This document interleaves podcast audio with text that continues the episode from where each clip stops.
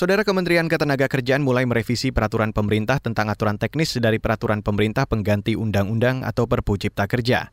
Dirjen Pembinaan Hubungan Industrial dan Jaminan Sosial Indah Anggoro Putri mengatakan, terbitnya Perpu Cipta Kerja memiliki konsekuensi perlunya revisi sejumlah peraturan pemerintah yang merupakan turunan dari Undang-Undang Cipta Kerja. Indah mencontohkan aturan tentang pekerja outsourcing atau alih daya. Konsekuensi dari perubahan ini, maka PP 35 yang existing masih ada karena Undang-Undang Cipta Kerja ada PP 35 kan nomor 2021. Ini akan kita rubah karena akan ada aturan baru mengenai pekerjaan-pekerjaan yang dibatasi, mana yang boleh di outsourcingkan, mana yang enggak, ya.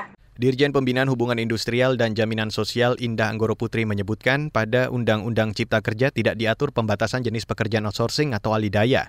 Sedangkan di Perpu Cipta Kerja terdapat aturan bahwa pekerjaan outsourcing atau alidaya dibatasi hanya untuk sebagian pelaksanaan pekerjaan saja. Beralih ke berita hukum, Saudara, Komisi Pemberantasan Korupsi KPK menyebut politisi PDIP Harun Masiku yang menjadi buronan dalam kasus dugaan suap kini masih berada di luar negeri. Namun, Direktur Penyidikan KPK, Asep Guntur Rahayu tidak menyebutkan di negara mana Harun Masiku bersembunyi. Harun Masiku merupakan tersangka dalam perkara dugaan suap terkait penetapan anggota DPR terpilih periode 2019-2024 yang sudah berstatus daftar pencarian orang atau DPO atau buronan sejak Januari 2020. Dalam perkara itu, KPK telah merespon beberapa pihak, di antaranya bekas anggota Komisi Pemilihan Umum KPU Wahyu Setiawan yang difonis 7 tahun penjara. Ada pula kader PDI Perjuangan Agustiani Tio Fridelina yang difonis 4 tahun penjara karena ikut menerima suap 600 juta rupiah dari Harun Masiku. Wahyu Setiawan dan Agustiani terbukti menerima uang sebesar 19.000 dolar Singapura dan 38.350 dolar Singapura atau seluruhnya 600 juta rupiah dari Harun. Tujuannya agar KPU merestui Harun Masiku menjadi anggota DPR melalui mekanisme pergantian antar waktu atau PAW. Beralih ke Yogyakarta, Saudara, komunitas pegiat dan peduli isu HIV/AIDS menggelar pentas teater berjudul Bidadari di atas sebutir padi.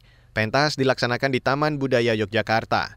Wakil Direktur Program dan Inovasi Terapan Bethesda, Sukendri Siswanto menjelaskan, pemilihan teater untuk mengedukasi HIV/AIDS karena teater sangat mudah diterima masyarakat.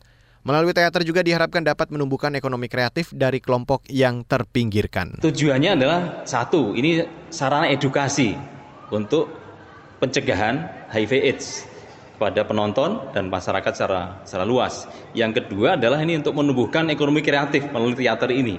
Mudah-mudahan dari kelompok yang selama ini terabaikan, terpinggirkan, orang dengan HIV, kelompok rentan, komunitas-komunitas peduli ini yang selama ini dari sisi ekonomi terabaikan, dengan menggunakan teater ini terangkat Wakil Direktur Program dan Inovasi Terapan Bethesda Sukendri Siswanto juga berharap pementasan teater edukasi HIV/AIDS bisa terus dilanjutkan. Pementasan teater berjudul Bidadari di atas sebutir padi mengadaptasi cerita tradisional Jakatarup. Saat pementasan diselingi dialog tentang edukasi dan sosialisasi penyakit serta penularan HIV/AIDS. Dan saudara, demikian kabar baru saya Reski Mesanto.